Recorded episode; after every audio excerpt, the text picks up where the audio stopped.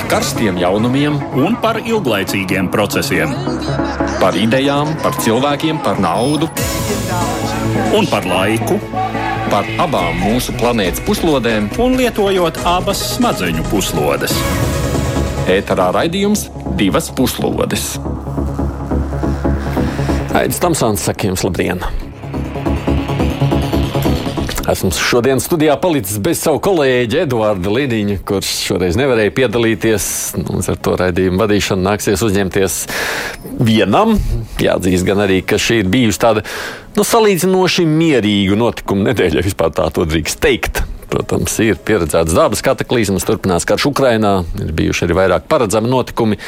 Bet nu, mēs šoreiz atļausimies pavērtēt to, kam citreiz neatliek laika. Vairāk vai mazāk tas arī būs saistīts ar kāru Ukrainā.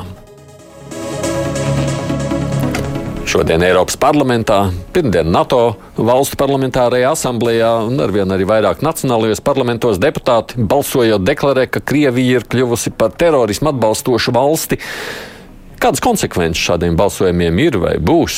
Tas ir pirmais no tematiem, par ko runāsim.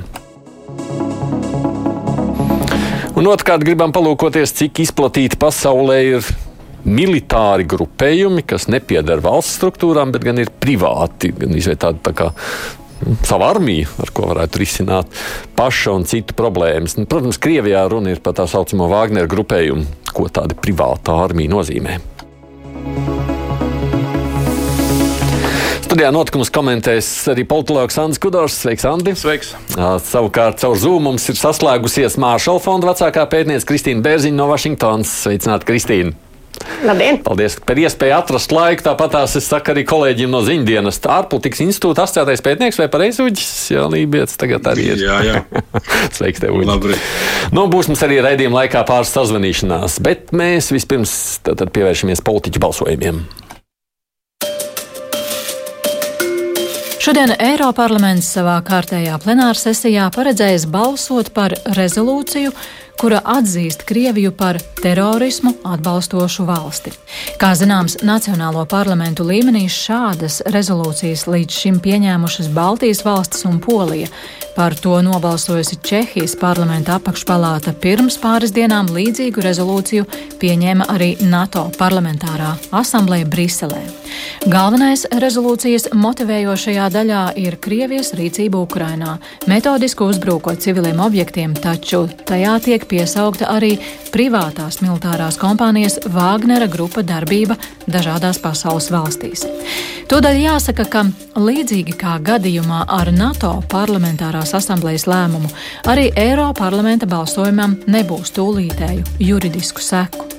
Eiropas Savienības kopējā likumdošanā līdz šim nav izstrādāti konkrēti mehānismi iedarbībai uz valstīm, kuras tiek atzītas par terorismu atbalstošām, un Savienības sankcijas pret trešajām valstīm ir Eiropadomas kompetencē.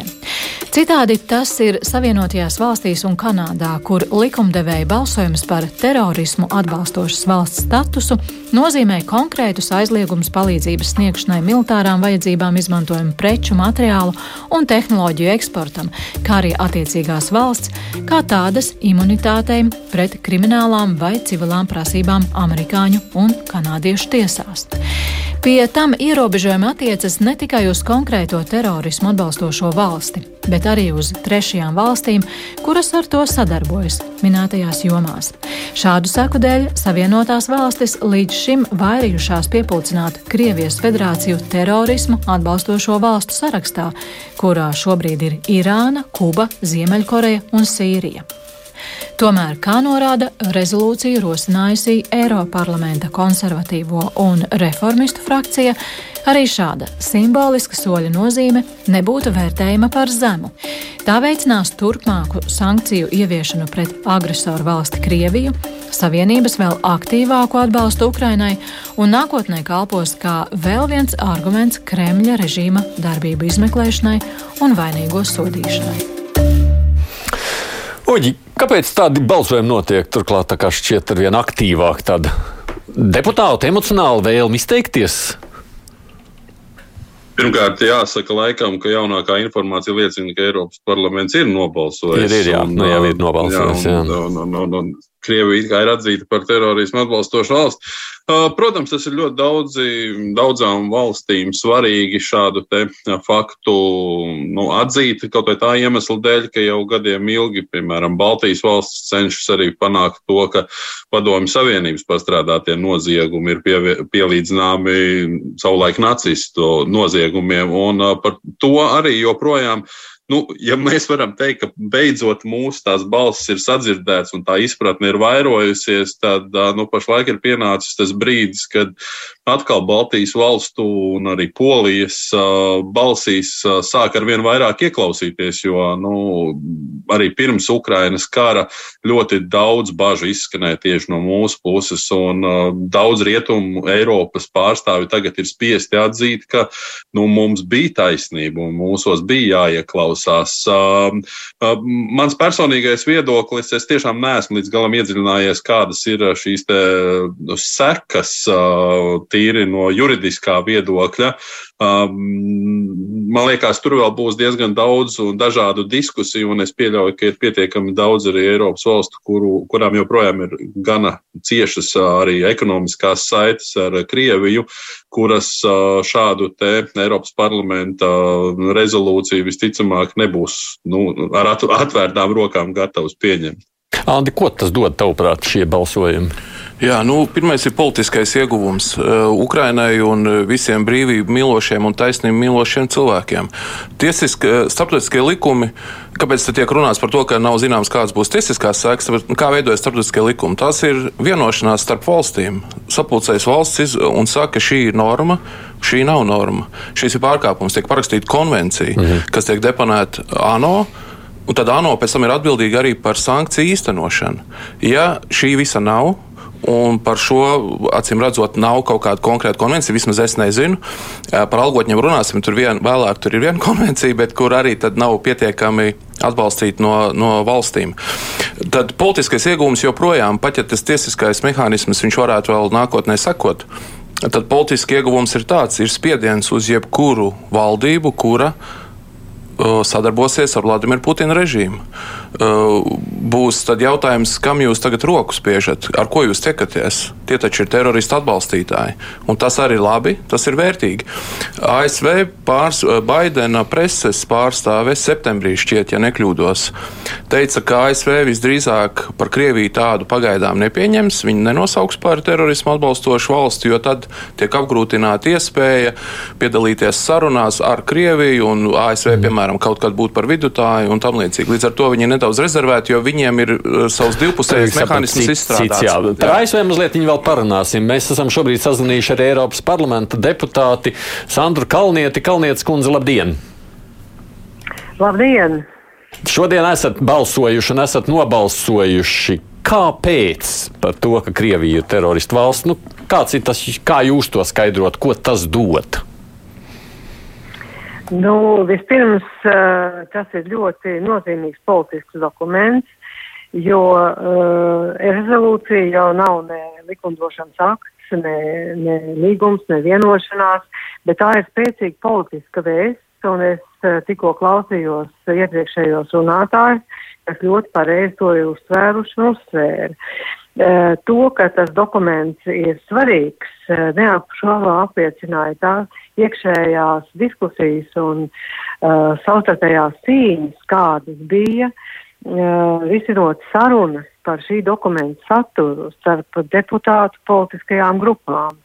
Uh, un te jāsaka, ka tā sākotnējā valoda, kāda Eiropas Tautas partija savā rezolūcijas projektā piedāvināja, tika, piedāvāja tomēr tika atšķie, atšķēdīti, jo mēs gribējām, it īpaši Baltijas valsts un Polija, mēs gribējām, lai um, parādītos jauns termins valsts terorisms, valsts teroristi. Jo ir liela starpība, vai valsts atbalsta terorismu, tas ir termins, kas ir pazīstams, ir apritē, vai arī juridiska, potenciāli juridiska kategorija valsts terors, valsts teroristi. Uh, taču mums tieši šo legālo aspektu dēļ neizdevās, bet es domāju, ka jau tas, kas uh, ir šajā rezolūcijā ietverts, kurā ir ļoti skaidri pateikts, ka uh, Krievija uzbrukumi civiliedzīvotājiem un civilajām infrastruktūrām, kritiskajai infrastruktūrai ir pielīdzināms terori aktam. Jau tas ir tā, ir tāda smaga valoda. Un uh, otra tāda smaga valoda ir, ka Krievija savu mērķu sasniegšanai izmanto um, terorisma līdzekļus. Ja līdz šim šādu valodu pret Krieviju uh, iep, mūsu iepriekšējās rezolūcijās netika lietot. Un trešais punkts, kas ir ļoti svarīgs, ka uh, Eiropas parlaments vēršās pie uh, Eiropas komisijas izstrādāt uh, tādu vai pilnveidot esošo likumdošanu tā, lai pret valstīm, kas piekopja uh, terorismu uh, vai izmanto terorismu līdzekļus savu mērķu sasniegšanai, varētu uh, piemērot stingras ierobežojumus gan sankciju formā, gan arī politisko sakaru ziņā, un tur ir vēl vesela virkne nosaukt.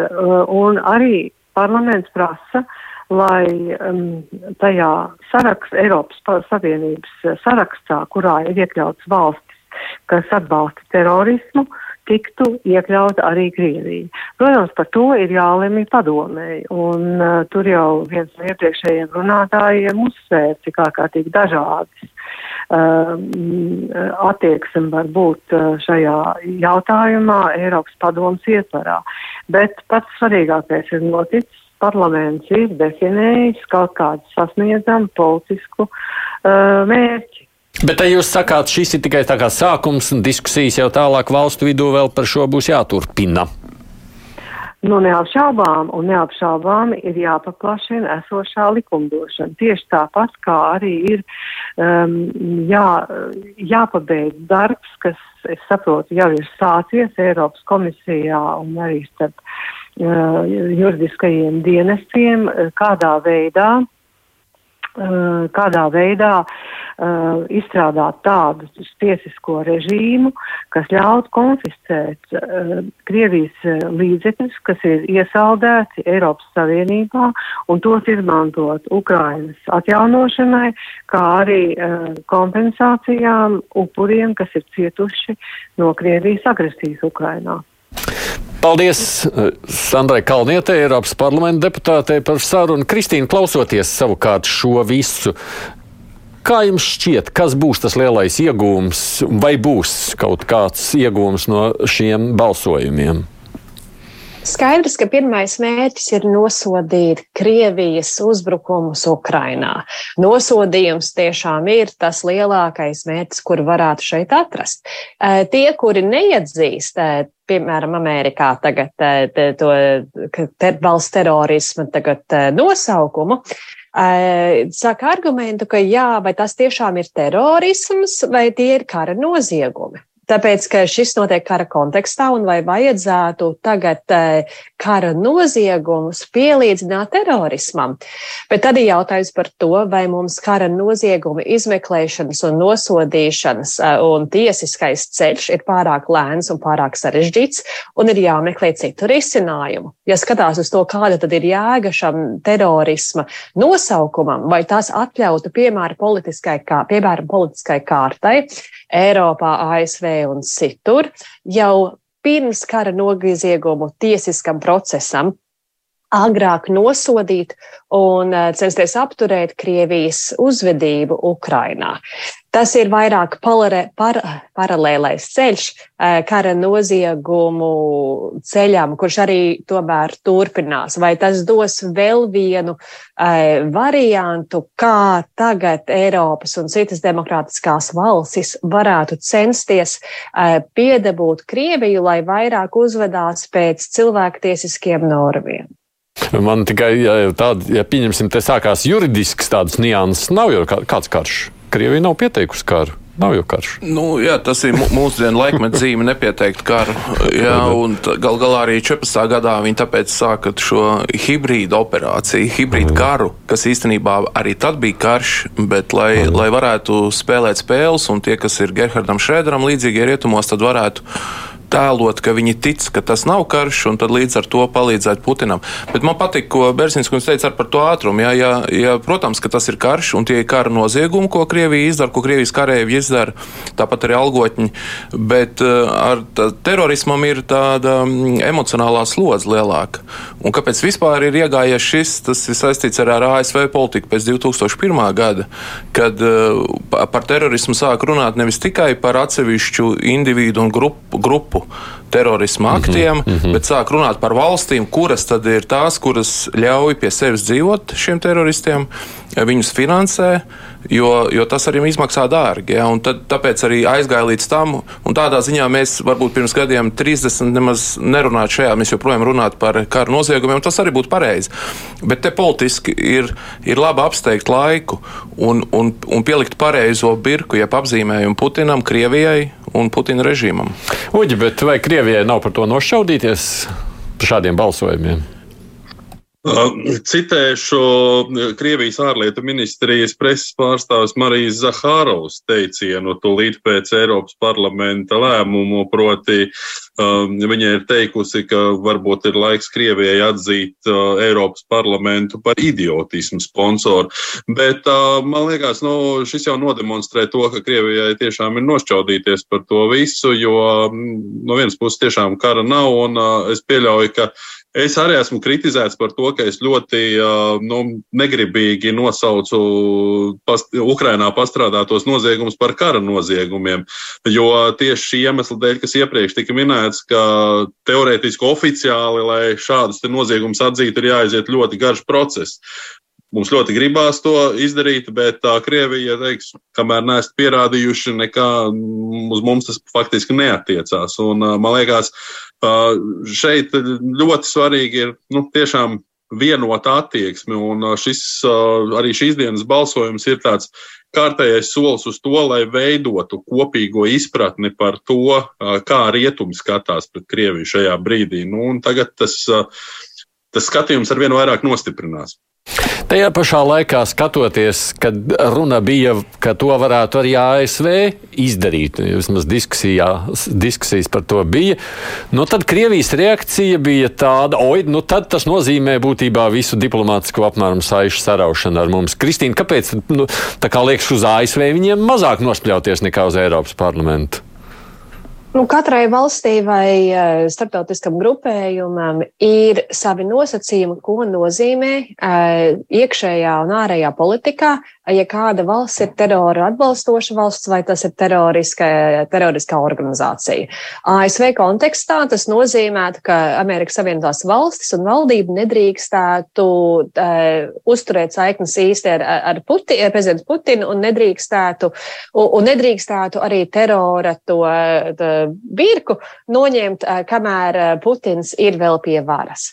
Ļoti, ļoti mazos gadījumos eh, Amerika izmanto tādu nosaukumu, un daudz tie, kuri tomēr vēlās kaut kad nākamajos gados tik pie miera stāvokļa, uzskata, ka gaidīt vai uzlikt nosacījumu, ka Putinam jau jābūt nogāstam, Eh, no prezidenta amata, ka tas varētu neveicināt ne, ne ASV, ne Eiropas drošību. Un tur ir jautājums par to gala stāvokli, vai ar eh, terora to, to nosaukumu mēs neredzam situāciju, kurā miers eh, pat pēc Ukrainas nosacījumiem nebūtu iespējams, jo Ukraina arī G20 Eh, sarunu kontekstā vairs nerunāja par to, ka Putins nedrīkstētu vairāk būt pie varas pirms miera stāvoklis, pirms miera sarunu veikšanas. Tāpēc mums jāskatās, kā attīstās šīs sarunas, un tomēr gribētu arī Amerikas puse radīt lielāku fleksibilitāti, ka viņi gribētu izlocīties un radīt situāciju, kur var pielāgoties labākai, labāk visām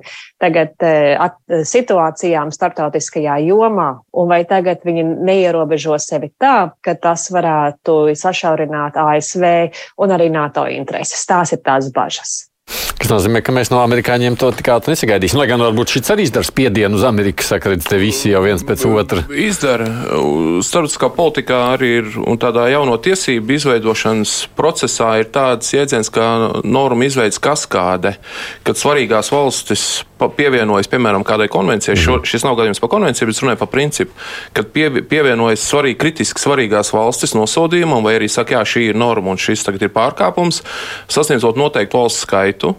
Un, ja tur ir iekļauts tāds politiski nozīmīgās, militāri varenās, ekonomiski spēcīgās valsts, tad kaut kādā brīdī pārējās iet gandrīz vai pēc inerces pievienojoties. Tā ir tā saucamā normu -hmm. izveids kaskāde. Līdz ar to ne, ne tā burtiski ASV ir tomēr tāds lielais globālais spēlētājs, kurš, piemēram, par kriminālu Starptautisko kriminālu tiesu, eh, cik es saprotu, nepievienojās, jau viņi, viņi spēja un dažkārt vēlas palikt ārpusē un kaut kādām konvencijām arī nepievienojas. Jā, te ir svarīgi, es domāju, Amerikas Savienotām valstīm saglabāt sev manevru iespējas. Viņi vispār kā globāls spēlētājs nesteidzās. Mēs redzam arī, kas notika, kad PSRS bruka. ASV nebija tie, kas, kas teica, ka viņi vēlas, lai PSRS ātri sabruktu. Ja, viņiem drīzāk bija sākotnēja ideja demokratizēt Padomju Savienību. Līdz ar to, piemēram, Baltijas valsts neatkarība mums Eiropieši bija pirmie, kas atzina. Ja. Mums tie mazie ir fleksibāli, ir kustīgāki un spēja normatīvāk ārpolitiku īstenot. Neuztraucoties par kaut kādām pragmatiskām sekām tik daudz, kā piemēram Islanda un Dānija bija pirmās, kas mūs atzina. Es domāju, te jāņem vērā tas ASV kā globālā spēlētāja status un ka viņi ir šajos jautājumos piesardzīgāki, lai saglabātu manevru iespējas. Bet maz piebildu par Ukrajinu, par tiem noziegumiem. Ukraiņi ļoti skrupulozi strādā un dokumentē visu ko Krievijas kareivi tagad kāds noziegums viņi izdara. Krievija neizspruks cauri. Tas viss būs dokumentēts, tur nav haosa, tur ir skrupuloza rīcība, un tas ir pareizi. Jā, laiks vajadzīgs tam visam. Pabeidzot tikai šo tematu un ķeroties tālāk, ja bejot uz tiem militāriem grupējumiem, Uģi, kā tev šķiet, tur, es nezinu, vai kas kāda, bet sekos arī vēl citur balsojumi līdzīgi kā šodien Eiropas parlamentā? Um, es domāju, ka tā, um, nu, ja mēs skatāmies, tad uh, pirms dažām dienām šādu lēmumu pieņēma NATO parlamentārā asamblēja, tagad Eiropas parlaments. Uh, nu, jāsaka, ka šīs ir tomēr nu, tādas. Um, or, gribētos teikt, uh, organizācijas ar rekomendējošu raksturu, bet uh, tomēr uh, tas galvenais solis un galvenā izlemšana ir tiešām valstīm un valstu vadībām. Un, nu, no tā būs tiešām daudz kas atkarīgs, ņemot vērā gan iekšpolitiskās, gan ārpolitiskās intereses. Un nu, jāņem vērā, ka tomēr dažādos reģionos valstīm ir arī dažādas intereses, un to pašu attieksmi pret Krieviju nevar skatīties tikai kā Krieviju pilnīgi no visa atrautu, jo arī Krievijai ir savas intereses, kas kaut kur pārklājās Āfrikā, kaut kur pārklājas uh, Āzijā, un uh, tas, tas viss ir ļoti sarežģīts, liels tāds tīklojums, ko ir, uh, nu, bieži vien mēs tās katras valsts individuālos apsvērumus varbūt pat nevaram iedomāties un nevaram līdz galam izanalizēt. Bet nu, viena lieta ir skaidra, vismaz man pašam, tas, ko tur dara Krievija, nu, tā, nu, nu, kā lai citā to nosauc, ja ne par terora rīcību šādā veidā bombardējot. Arī nesen tikko ziņa, laikam, tika, tagad Kijavā ir kaut kā kārties sprādzieni uz infrastruktūras objektiem. Mēs pievēršamies nākamajam tematam - privātajām militārajām struktūrām. Mums vispirms tāds ievads tematikā. Privāto militāro kompāniju jeb PMK vēsture ir mazliet vairāk nekā pusgadsimtu sena. Kā pirmā šāda kompānija tiek minēta Watchguard International, kuru 1965. gadā Londonā nodibināja atvaļinātais Britu armijas pulkveža leitenants, kādreizējais Britu speciālo uzdevumu vienības SAS komandieris Deivids Stirlings. Kompānija piedāvāja konsultācijas, personāla apmācību, atbalstu, ieroču iegādē un tam līdzīgus pakalpojumus pamatā Persijas līča reģionu valstīm. Laika gaitā līdzīgas kompānijas parādījās arī Savienotajās valstīs. Austrālijā, Dienvidāfrikas Republikā, Izrēlā un citur. Visbiežāk kompāniju piedāvājumā bija jau minētie apmācības un konsultāciju pakalpojumi, kā arī personu un objektu apsardze, atmīnēšana un tam līdzīgi. Kā viena no lielākajām PMK starp citu, tiek minēta arī Latvijā labi zināmā apsardzes firma G4S. Straušu privāto militāro kompāniju uzplaukums sākās pēc augstā kara beigām, kad valdības krasi samazināja militāros budžetus, arī armiju skaitlisko sastāvu un dažu uzdevumu veikšanai labprāt nolīga PMK. Kā norādījis amerikāņu politologs Pīters Vorens Singers, Ja ap 1990. gadu profesionālo militāru personu un PMK līguma darbinieku skaitliskā proporcija bija apmēram 50 pret 1, tad ap gadu tūkstošu miju tā bija jau 10 pret 1. PMK darbības likumiskā reglamentācija pamatā liedz iesaistīt to darbiniekus starpvalstu kara darbībā, un šādos gadījumos viņi riskē nonākt nelegālu kara darbības dalībnieku statusā. Daudzās valstīs šādu kompāniju darbība un cilvēku vervēšana tajās ir pretlikumīga, un šādu valstu skaitā ir arī Krievijas federācija. Tas var šķist paradoxāli sasaistot ar ziņām, kas nu jau vairākus mēnešus pienāk no Krievijas un Ukrainas. Ja līdz pagājušā gada nogalē tikai retumis medijos pavīdēja informācija par Krievijas PMK darbību dažādās Āfrikas un Tuvo Austrumu valstīs, pie kam oficiālās Kremļa amatpersonas vairījās atzīt šādu kompāniju pastāvēšanu Krievijā, tad jau drīz pēc pilna mēroga iebrukuma Ukrainā ziņas par šo vienību kaujinieku darbību frontē sāka parādīties masveidā. Karš Ukrainā ir domājams pirmais militārais konflikts, kurā PMK kaujinieki piedalās konvencionālajā kara darbībā kā regulāras frontes vienības, un tās nepārprotami ir starp kaujas spējīgākajām Krievijas okupācijas spēku sastāvā. Sevišķi pamanāma šai ziņā ir PMK Vāgnera grupa, kuras dibinātājs Jevgeņijs Prigožins kļuva par vienu no spilgtākajiem personāžiem uz Krievijas šī brīža politiskās skatuves. Viņam un viņa PMK šobrīd ir ļautas vēl līdz nesenam laikam pat Krievijā neiedomājamas darbības, kā ieslodzīto masveidīga vervēšana nosūtīšanai uz fronti un organizācijas noteikumus pārkāpuša kaujinieka nogalināšana, kas tiek demonstrēta tīmeklī publiskotā video. Divas puslodes! Atgādījums studijā kopā ar mums politologs Ants Kudors, tāpat ar mums ir Māršala fonda vecākā pētniece Kristīna Bērziņa, kolēģis no Zintiena studijas Lībijams.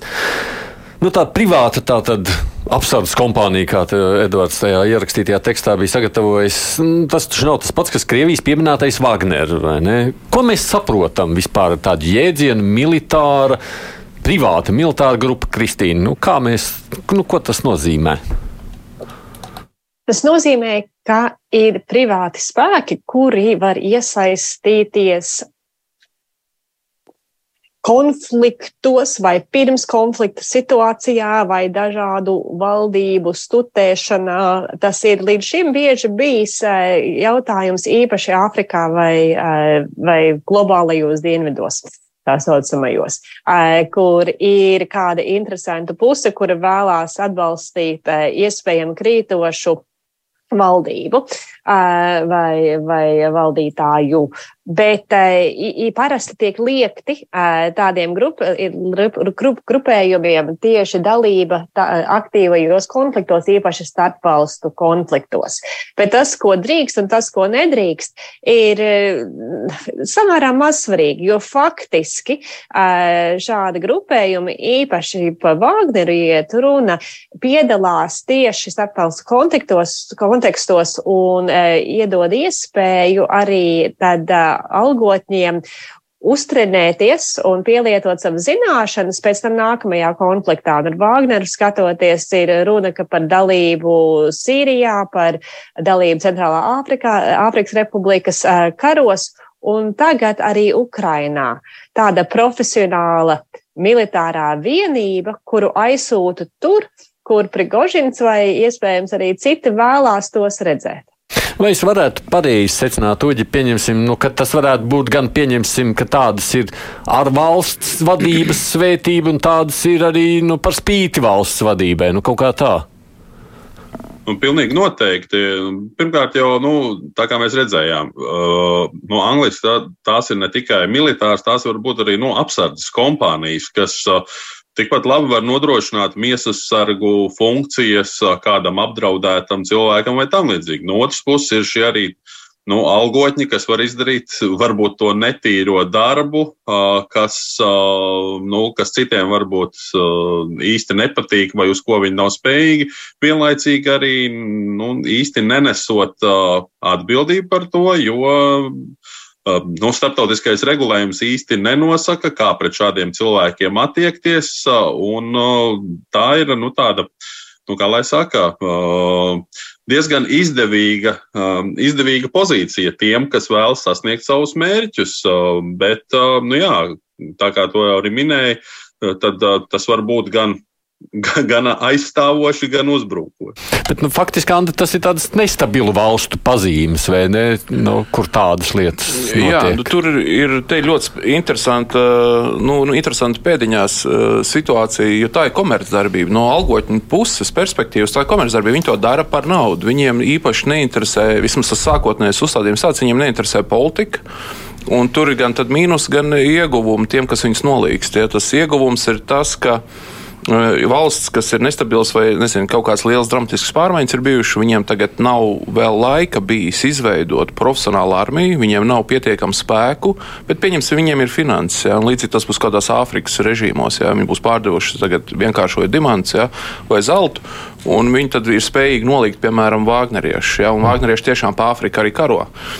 Un, un tad viņi dabūna uzreiz jau uzturnētus kareivis. Mīnus ir tāds, ka var rasties situācija, kad viņi var teikt, bet jūs par šo mums nesamaksājāt. Ja? Un tad tur, kur būtu dienestā iesauktie, tiem būtu pienākums pret valsti, ja, kā pilsonim. Pilsoņiem ir gan tiesības, gan pienākumi. Viens no pienākumiem, piemēram, aizstāvēt savu valsti. Bet tajā pašā laikā, tad, kad Krievija to ļauj, nu, Krievija jau ir spēcīga. Tā arī bija pirms, nu, salīdzinoši. Nav tāda nestabila Āfrikas valstiņa, kur Jā, te pārklājas gan politiskās intereses, gan uh, privātās. Prigožinam tās pirmkārt ir viņa komerciālās intereses, ja, tātad pelnīt. Tur, kur Vāgnerieši iesaistās, tur ik pa laikam nāk informācija parādās par viņu iegūmiem vai kontrolēt kādu naftas atradni vai kaut ko līdzīgu. Jā, politiskās intereses saistās, protams, ar Vladimiru Putinu par to, ka viņam, viņa režīmam ir nepieciešami tādi kā pričņiki, kas var izpildīt dažādas nepopulāras pavēles un ir labi opozicionāri un vispār parastie pilsoņi zina, ka kaut kas var notikt arī nelikuma robežās. Ja? Mm. Tas būs gan Kadīrovs, gan Prigožins. Būs tādi cilvēki, kas palīdz Putinam, piemēram, iebiedēt arī savu iekšējo publiku. Mēs esam šobrīd sazvanījuši Nacionālo bruņoto spēku pārstāvu majoru Jānis Laidiņš. Laidiņkungs, labdien! Sveicināti! Kāpēc jūs prāt, vajag Putinam tādu Wagneru Krievijā? Nu, redzam, ka Prigožins, kas vada šo privāto militāro kompāniju Vāgner, bija viņa uzticamības uh, cilvēks. Un jāsaprot, ka viņam Prigožinam tā ir kabats armija, jā, un līdz ar to Putins var rēķināties ar viņu atbalstu nepieciešamības gadījumā. Otrs tāds pats cilvēks ir, protams, Kadīrovs, kuram arī, var teikt, ir savu privātā armija. Jā. Un uh, redzam, ka viņi pat uh, nekaunās u, u, uzbrukt, kā saka, vārdiski Krievijas ģenerālštābam, kas liecina, ka viņiem ir ļoti liela vara gan Krievijas mm -hmm. politiskajām, uh, teiksim, šī būtībā visā, jā, un es domāju, ka Putinam, protams, tas ir izdevīgi šādu veidu uh, kaujinieku grupējums. Bet vai tas arī neliecina, ka pieņemsim, Putins neusticās īsti savai armijai līdz galam? Nu, pēc viss tā, kas notiek un ir noticis Ukrainā, redzam, jā, kad taisni arī lielākos panākums pašlaik gūst taisni šī Wagner grupējums, ja, kas uzbrūta Bahmutu. Un ļoti iespējams, ka pēc visu notikušā, pēc Krievijas armijas var teikt, izgāšanās, tā ticība ir zudusi. Kas sanāks, ka viena privātas armijas uh, spēja ir lielāka nekā visas lielās valsts armijas spēja? Nu, pašlaik tā izskatās, jā, jo tiešām, ja runājam par panākumiem, tā Vāgnerieši gūši lielākos panākumus pašlaik veicot uzbrukuma operācijas. Tas ir Krievijas regulārie spēki. Tas, protams, nes taču līdzi arī risku, ne tā? Pat militāru, ja ne politisku. Nu, jā, risku tas nes, protams, jo viens mīnus ir tas, ka Vāgners tomēr ir zaudējis daļu savus labākos kaujiniekus uzbrukumam, Un būtībā viņi pat nebija paredzēti šāda veida darbībām, bet pateicoties tam, ka Krievijas bruņotie spēki netika uz priekšu, nu, nācās Putinam iesaistīt šos, šo Wagner grupējumu. Nu, protams, un jāskatās, ka Krievu komandieriem, kas ir atbildīgie pa iecirkņiem, ir ļoti grūti vadīt šāda veida karaspēku. Bet jūs sakāt, tā, tā, vērojot to, kas notiek šobrīd Ukrainā, ka tieši šie privātie ir spēcīgāki. Pirmkārt, otrkārt, nu, ja salīdzina Prigožinu ar, ar Kadīrova komandu, tad, tad arī tur ir vērts kaut ko salīdzināt. Nu, grūti pateikt, kā salīdzināt. Nu, viņiem katram ir savs uzdevums savām šiem grupējumiem. Jā. Redzam, ka Prigožins iesaista cietumniekus vairāk, mēģinot uz jebkuru cenu uh, gūt panākums, bet ka dīrau vienībām ir pilnīgi citi uzdevumi. Tātad nodrošināt šīs aizmuguras operācijas un uh, sprost vienību uzdevumus. Ir tā, ka tādām mazai militārai grupējumam, nu, salīdzinoši liekas ar lielo valsts armiju, kas Krievijai ir liela, nu, ir vieglāk kaut kā savējos apmācīt, uzturēt kaut kādu lielāku disciplīnu kārtību? Jā, nu viennozīmīgi, jo, teiksim, galvenais, kad Wagnera grupas veidojās, jā, viņiem galvenais uzsvars bija likts uz disciplīnu, uz kārtību, uz apmācību, jo viņiem ir diezgan plašā izvērš šī kaujas organizācija, kur gan ir speciālās grupas, gan uh, snaiperi, gan tankisti, tagad redzam arī aviācija viņiem, jā. Un viņiem viens no šiem darbības virzieniem bija uh, sagatavot uh, spēcīgs, profesionāls, kaujas spējīgus uh, kaujinieks. Un jāsaprot to, ka lielākā daļa bija kādreiz nākuši no Krievijas tā saucamās petnas vienībām, kas bija šī Vāgnera pavats kaujinieki. Paldies, Jānis Slēdiņš. Saku paldies Jānim Slēdiņam, tad, tad Nacionālo bruņoto spēku pārstāvim un arī majoram. Nu, tie taču, ja privāta armija izrādās spēcīgāka par tavu valsts armiju, Putinam, man liekas, tas neteiktu, taču ir liels risks. Es nesteigtu tos teikt, ka, ka Vāģnerieši kopumā, jā, viņi ir tā proporcionāli skaitliski, viņi ir efektīvāki nekā tikpat, ja mēs paņemam tikpat skaitu no bruņotajiem spēkiem, Krievijas regulāriem, jā, tad Vāģnerieši būtu labāk. Bet ne jau absolūtajos skaitļos. Mm -hmm. Viņi tomēr nav tik lieli kā Krievijas bruņotie spēki. Putinam uh, iekšpolitikā ir svarīgi, ka viņam ir vairāki muskuļi, jā, vairāk spēka atzar. Jo, ja gadījumā notiek apvērsums, un viena saka, ka mēs tagad tevi nomainīsim, viņš saka, nē, reku šie tagad divi man sargās. Viktora Zolotova, Nacionālā gvarde, nu, Viktors Zolotovs vada viņu, ja, tad bijušais Putina miesargs. Ja, arī tika izveidota kā, kā tāds iekšējs muskulis, gatavoties, ka varētu būt nemieri, ka varētu būt spriedze. Uh, Mēs redzam, ka spriedze bija, bet ne tik liela, kā prognozēja arī paši Krievijas eksperti. Jā. Pat ar mobilizāciju ir, tur ir drūmi noskatīties, kā mātes pavada savus kareivus un lepojas, ka tagad viena nesen kundze.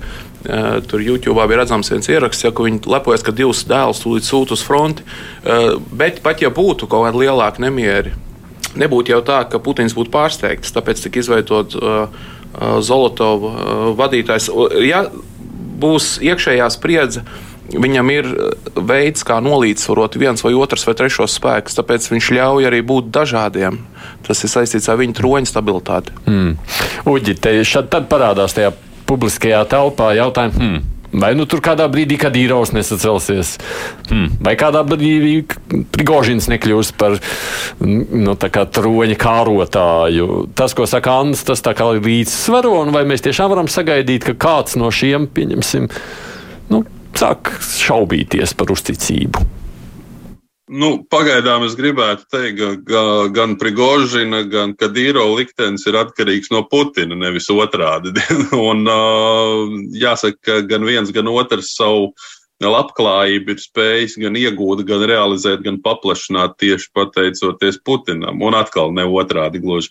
Um, līdzīgi, ko Andris teica par šo te, uh, nu, varas atzaru, nezinu, astoņkāju, varbūt viņu nosauksim. Uh, nesen klausījos vienu rietumu podkāstu, kurā bija ļoti interesanti stāstīts par to, ka Nu, faktiski nu, Putins jau ir nu spiegs, nu, čekis, sauksim viņu kā gribam.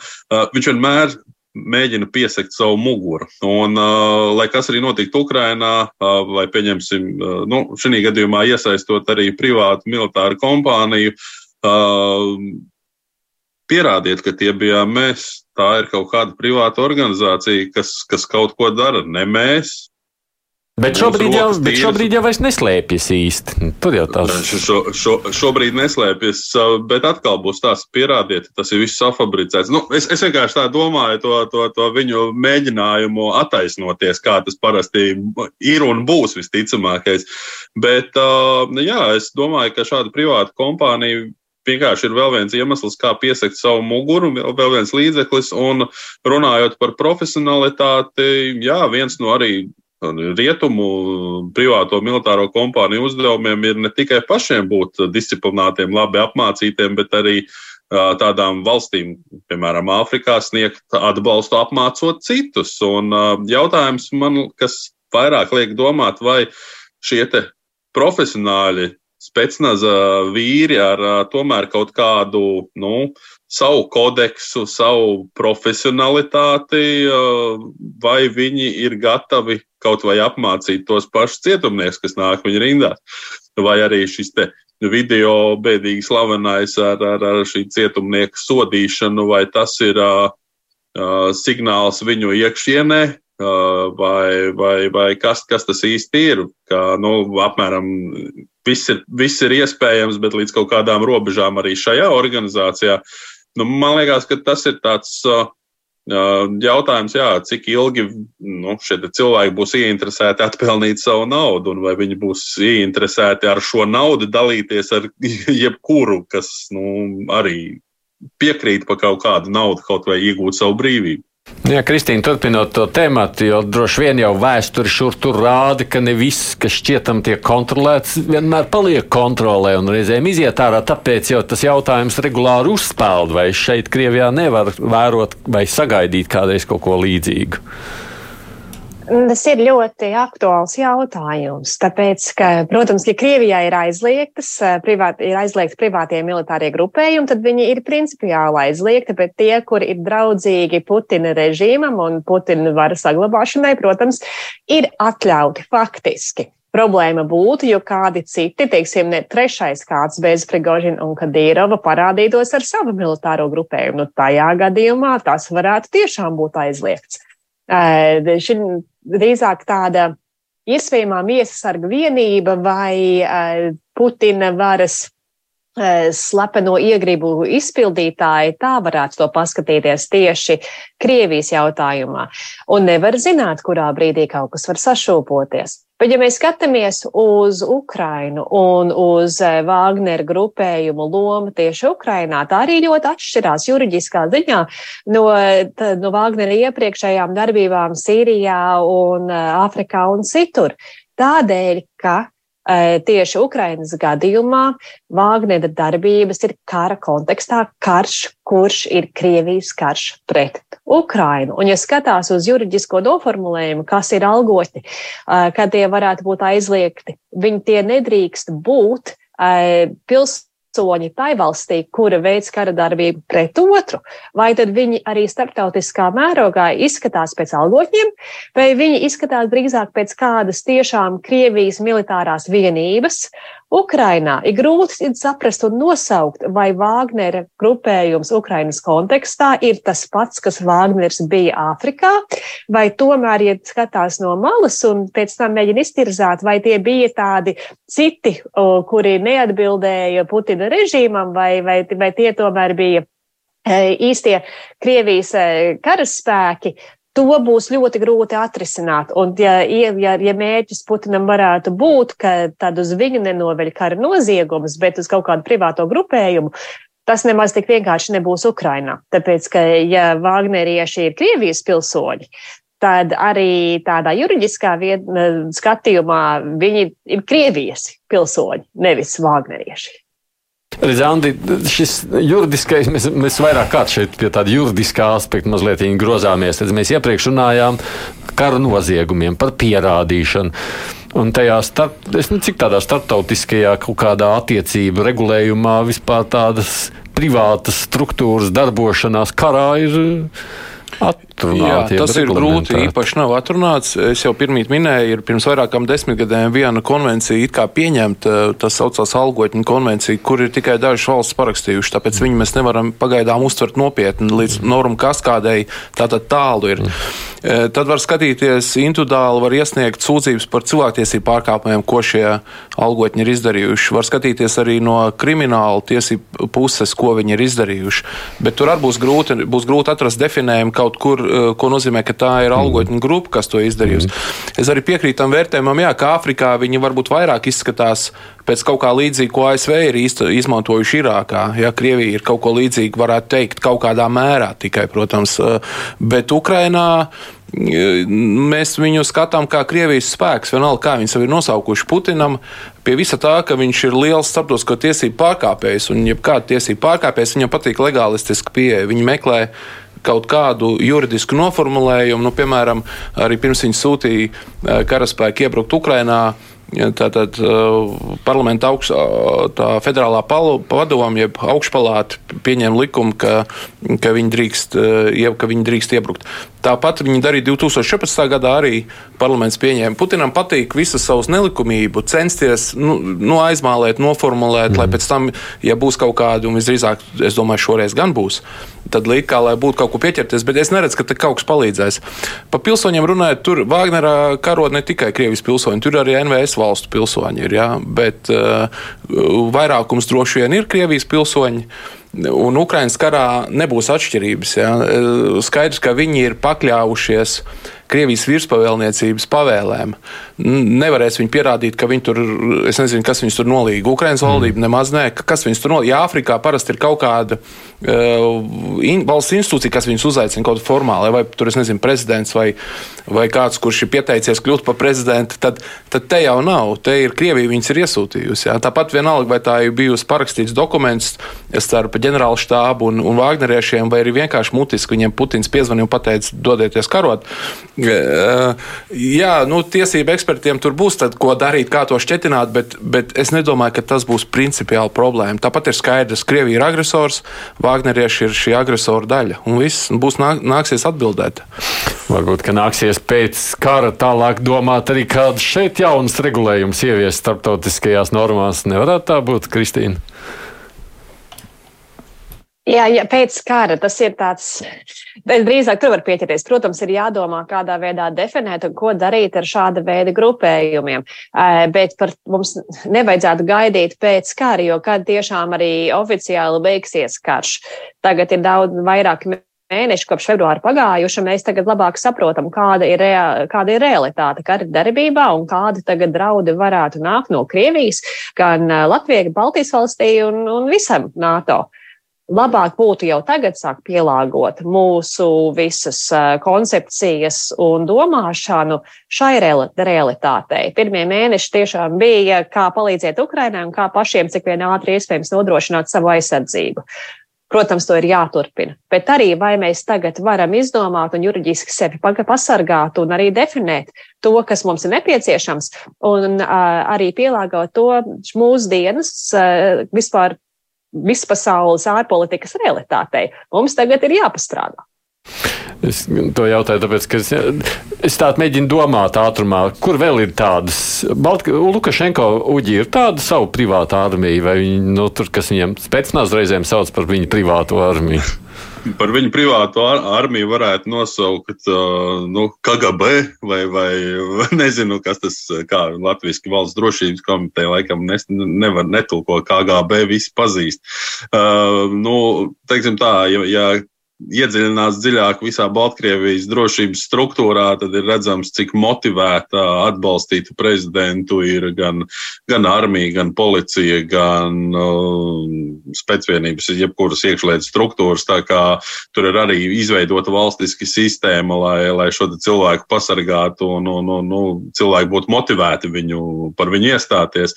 Atgriežoties nedaudz pie Wagnera un Krievijas un juridiskiem traktējumiem, man liekas, Atslēgvārds slēpjas tas, ka šī organizācija Krievijā ir aizliegta. Līdz ar to visticamākais, ka Krievijas atruna būs, ka nu, to ir veicis aizliegts grupējums, jā, nu kas, un, bet Un vēl viena lieta. Uh, neviens Krievijā pašlaik nav cēlis iebildumus pret to, ka aizliegts grupējums kaut ko dara. Jautājums, kurš būs tas, kurš sāks šo celt? Uh, tikpat labi Krievija pēdējā laikā ļoti bieži uzsver to, no kādiem starptautiskiem tiesu lēmumiem viņa nezinu, atkratās, kuri viņai vairs nav saistoši un tā tālāk.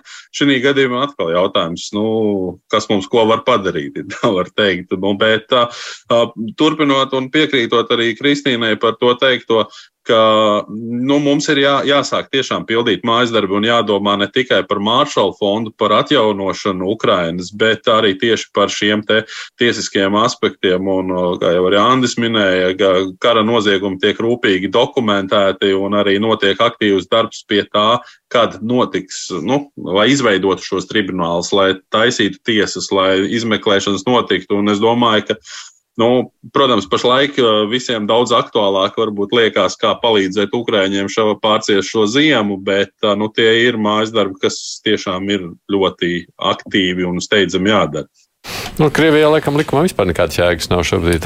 Redz, ja Krievija būtu demokrātiska valsts, tad mēs varētu runāt par pilsoniskās sabiedrības iesaistu un par to, kas tika minēts, ka tie varētu arī piedalīties uh, un, un, un uzdot normālu jautājumu, ja ir aizliegt, kāpēc darbojas. Ja? Uh, Hodorkovska centrs, uh, dosie centrs uh, sekoja līdzi Vāgneriešu nedarbiem Āfrikā, un tie žurnālisti, kas pētnieki, kas tika aizsūtīti, tika nogalināti Āfrikā. Uh, ir tāds bīstams jautājums. Es gribētu runāt par Putina tādu režīmu morālo pusi. Ja. Tas Prigožins, kā pats kā bijušais noziedznieks, un tagad viņš vervē tur cietumnieks.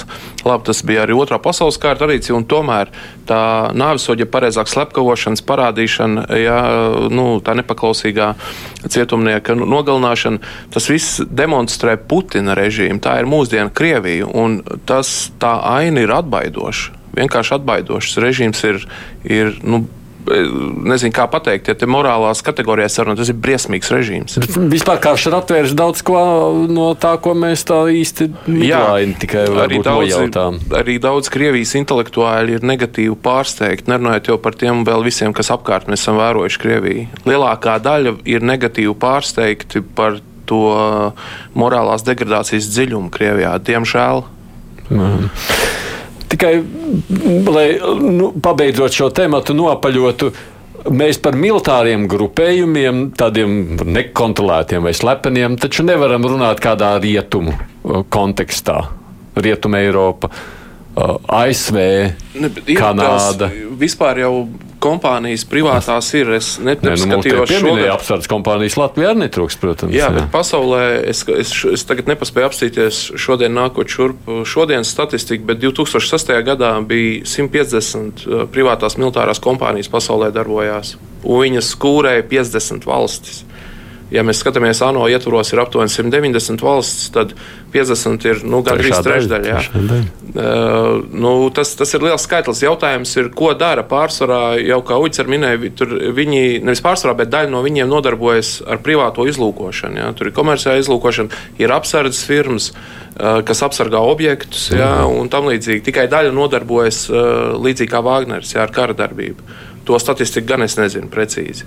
Mm. Bet es domāju, dēļ Vāgnera, vispirms ir, kā ir vēsturiski, vispirms ir noziegums, un pēc tam parasti tiek meklēts tiesiskais risinājums. Es domāju, būs līdzīgi. Mm. Dēļ Vāgneriešiem vien, es domāju, starptautiskā sabiedrība nonāks līdz tam, ka te ir vajadzīgs precīzāks regulējums visdrīzāk. Mm. Bet, nu, es to jautāju no pāris vēstulēm, ko es redzu, birstot radio pastā. Mums taču nav jāreizējas, Kristīna, vai ne par to, ka tas citās valstīs arī varētu plaukt kad citās valstīs prezidents paceļ telefonu un ar savu bijušo šefpavāru un ēdinātāju sarunā to, ka tagad uz kādu aktīvo frontes līniju sūtīs privātos algotņus. Nē, man liekas, nevienā mūsu demokrātijā par tādu scenāriju nebūtu jābaidās.